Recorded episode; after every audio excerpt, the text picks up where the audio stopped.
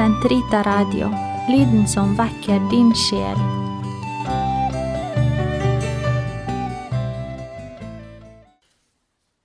Den katolske kirkes katekisme på ett år. Uke to, lørdag, paragraf 1710 til 1719.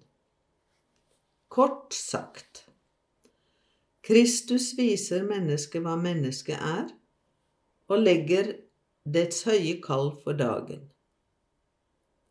Mennesket, utrustet med en åndelig sjel, med forstand og vilje, er fra unnfangelsen av rettet mot Gud og bestemt til evig salighet. Det søker fullkommenhet ved å søke og verdsette det sanne og gode. Sann frihet er i mennesket et prektig tegn på Guds bilde i mennesket. Mennesket har plikt til å følge den morallov som innstendig ber det å gjøre det gode og sky det onde. Denne loven gjenlyder i samvittigheten. Mennesket, såret som det er i sin natur av den opprinnelige synd, har hang til å feile og gjøre ondt når de gjør bruk av sin frihet. Den som tror på Kristus, har det nye liv i Den hellige ånd. Det moralske liv, som har grodd og modnet i nåden, skal fullendes i himmelens herlighet. Andre artikkel Vårt kall til salighet 1. Saligprisningene Saligprisningene står i hjertet av Jesu forkynnelse. Det de forkynner, tar opp i seg de løfter som siden Abrahams dager var blitt gitt det utvalgte folk. De oppfyller dem idet de ikke lenger har et jordisk landnom i sikte, men himlenes rike. Salige er de som vet seg fattige, for himlenes rike tilhører dem. Salige er de ydmyke, for de skal ta jorden i eie. Salige er de som sørger, for de skal finne trøst. Salige er de som hungrer og tørster etter Guds rettferd, for de skal få stillet sin sult.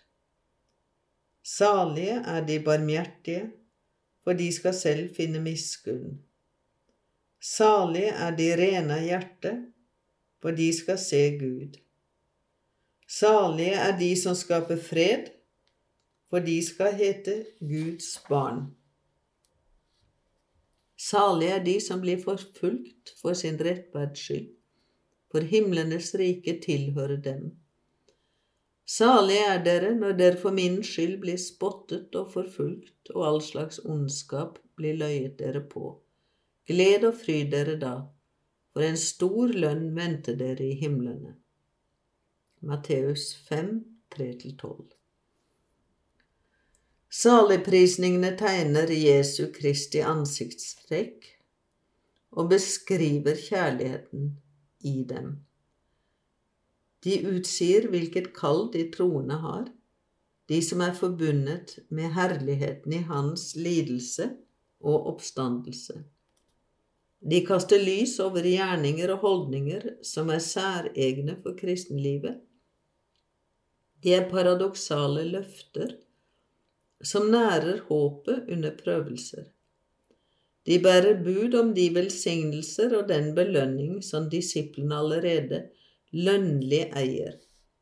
De er allerede begynt i Jomfru Marias og alle helgenenes liv. 2. Lengsel etter lykke. Saligprisningene gir svar på den naturgitte lengsel etter lykke. Denne lengsel har sin opprinnelse i Gud. Det er Gud som har nedlagt den i menneskehjertet for å trekke det til seg. Han som alene kan oppfylle den. Visst vil vi alle leve lykkelig, og i hele menneskeslekten fins det neppe noen som ikke sier seg enig i en slik påstand, endog før den blir klart fremsatt. Hvordan er det da jeg søker deg, Herre, siden jeg søker livets lykke når jeg søker deg, min Gud? Gi da at jeg søker deg slik at min sjel kan leve. For mitt legeme lever ved sjelen, og sjelen lever ved deg. Gud alene metter. Saligprisningene gir målet med menneskelivet til kjenne. Den sluttgyldige målsetning for menneskers handling. Gud kaller oss til sin egen salighet. Dette er et kall til hver enkelt, men også til Kirken som helhet.